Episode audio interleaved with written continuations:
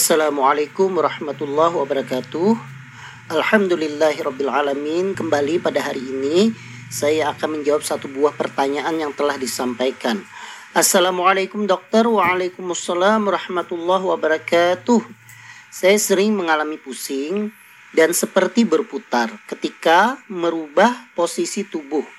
Misalnya saat duduk atau berbaring Kemudian langsung berdiri atau saat terlalu lama beraktivitas. Mengapa bisa begitu, Dok? Apa penyebabnya? Sebagai informasi, saya punya penyakit darah rendah. Usia 52 tahun. Apakah ada hubungannya? Mohon penjelasannya, Dok. Atas jawabannya saya ucapkan terima kasih dari Ibu Arniati. Baik, Ibu Arniati, terima kasih banyak atas pertanyaannya.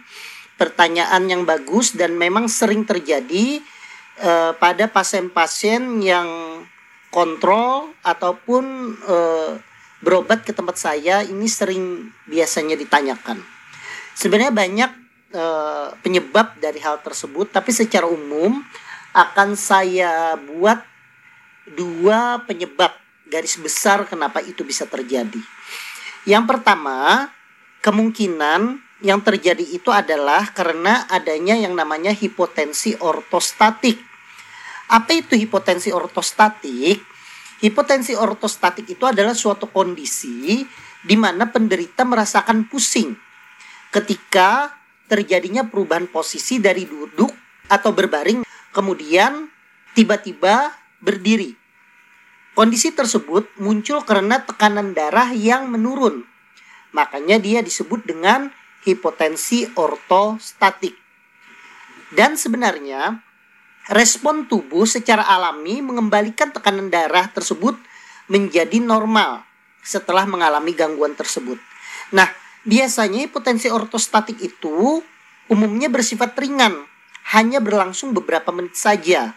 Apabila terjadi lebih lama, hal ini dapat menjadi tanda bahwa adanya gangguan medis yang harus lebih diperiksa lebih lanjut.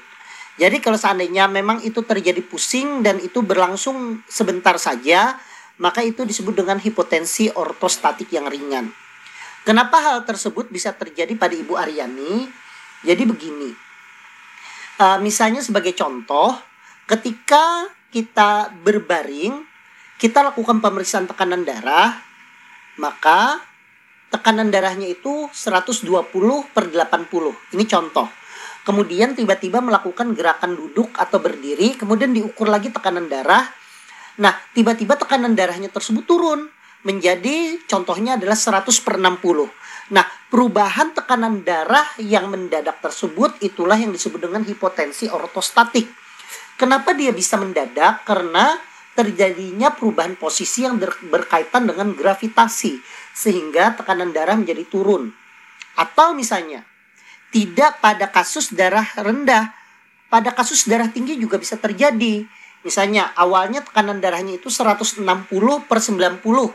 Kemudian pada saat dia berdiri atau dia duduk, tekanan darahnya tiba-tiba turun menjadi 130 per 80 misalnya. Walaupun 130 itu masih tinggi sebenarnya, tetapi karena perubahannya dari 160 turun menjadi 130, dia juga bisa menyebabkan pusing maka itu juga disebut dengan hipotensi ortostatik. Nah, yang satunya pada kasus e, memang kondisinya tekanan darah itu sudah rendah duluan seperti Ibu Arianti. Yang kasus kedua itu bisa saja tekanan darahnya itu turun mendadak karena dipengaruhi obat, oleh obat-obatan, terutama obat-obat darah tinggi yang punya efek memang hipotensi ortostatik. Sehingga penting sekali kepada para pasien, para penderita yang punya darah tinggi kemudian mengalami hal tersebut uh, bagus sekali untuk bercerita kepada dokter agar dokter bisa mengetahui bahwa ini kemungkinan adalah hipotensi ortostatik dan bisa memberikan obat-obatan di mana obat tersebut mungkin punya efek yang lebih rendah terhadap kemungkinan terjadinya hipotensi ortostatik. Nah, Gejalanya tersebut sebenarnya tidak hanya pusing saja atau terasa berputar. Ada beberapa gejala-gejala lain yang mungkin pada Ibu Arianti tidak muncul gejala tersebut. Gejalanya tersebut bisa saja misalnya pandangan atau penglihatan itu menjadi kabur. Kemudian terasa badan menjadi lemas tiba-tiba, menjadi linglung misalnya, mual atau bahkan yang paling parah itu bisa sampai terjadi jatuh dan pingsan. Kenapa hal tersebut bisa terjadi? Pada saat terjadinya hipotensi ortostatik, maka aliran darah ke otak itu menjadi berkurang tiba-tiba, berkurang secara drastis. Apa yang terjadi kalau aliran darah ke otak itu menjadi turun tiba-tiba atau berkurang drastis, maka oksigenasi oksigenasi otak itu juga berkurang kita ketahui bersama bahwa otak ini perlu oksigen yang sangat banyak karena proses berpikir dan proses-proses dalam hal e, melakukan sinkronisasi motorik dan sebagainya. Sehingga ketika dia berkurang maka terjadi hal-hal seperti tadi, pusing, penglihatan kabur, badan terasa lemas dan sebagainya. Nah, kalau ini terjadi pada usia lanjut atau lansia yang punya tuang kropos kemudian dia tiba-tiba terjatuh maka bisa sampai terjadi komplikasi patah tulang dan ini akan memperberat penyakitnya dan bahkan harus dirawat di rumah sakit. Sehingga tentunya sangat penting sekali bagi kita untuk mengetahui gejala hipotensi ortostatik terutama karena terjadinya perubahan posisi tersebut agar kalau memang ini terjadi bisa segera untuk berobat ke dokter. Untuk mengetahui ini, memang kita tidak bisa menegakkan diagnosa sendiri, harus ke dokter. Karena dokter nanti akan melakukan pemeriksaan tekanan darah baik pada saat berbaring, pada saat duduk, dan pada saat berdiri. Kalau memang terjadi perubahan itu, maka dokter akan mendiagnosa itu hipotensi ortostatik dan akan diberikan beberapa terapi agar hipotensi ortostatik itu bisa berkurang. Untuk terapinya tidak akan saya sampaikan di sini karena cukup panjang tapi yang pasti saya sarankan kepada Ibu Aryani agar segera melakukan pemeriksaan ke dokter supaya keluhan tersebut tidak semakin parah dan akan mengganggu aktivitasnya. Jadi penyebab yang pertama itu adalah hipotensi ortostatik. Kemudian penyebab yang kedua mungkin saja terjadi karena suatu gejala vertigo yang disebut dengan benign paroxysmal positional vertigo atau disingkat dengan BPPV. Jadi begini, di dalam e, telinga kita, di telinga dalam itu terdapat suatu saraf yang mengatur keseimbangan yang mana saraf itu kalau di kedokteran adalah saraf kedelapan nervus cranialis yang disebut dengan nervus vestibulocochlearis. Nah, saraf tersebut bertanggung jawab terhadap keseimbangan di dalam tubuh kita. Nah, BPPV tersebut adalah suatu manifestasi terjadinya gangguan dari saraf yang saya sebutkan tadi. Kenapa bisa terjadi BPPV? Kondisi ini biasanya dipicu oleh perubahan posisi kepala yang spesifik pada setiap orang. Nah, perubahan kepala itu bisa saja terjadi pada saat berbaring menjadi duduk, kemudian pada saat duduk misalnya berdiri atau misalnya bisa saja pada saat duduk saja tetapi menengok ke kanan atau ke kiri secara tiba-tiba itu bisa menyebabkan terjadinya BPPV tersebut. Apa saja gejala dari BPPV tersebut? Gejalanya seperti yang Ibu sampaikan tadi pusing atau seperti berputar. Kemudian bisa juga sampai terjadinya kehilangan keseimbangan sehingga sampai jatuh tapi biasanya tidak sampai pingsan. Kemudian terjadi mual dan muntah.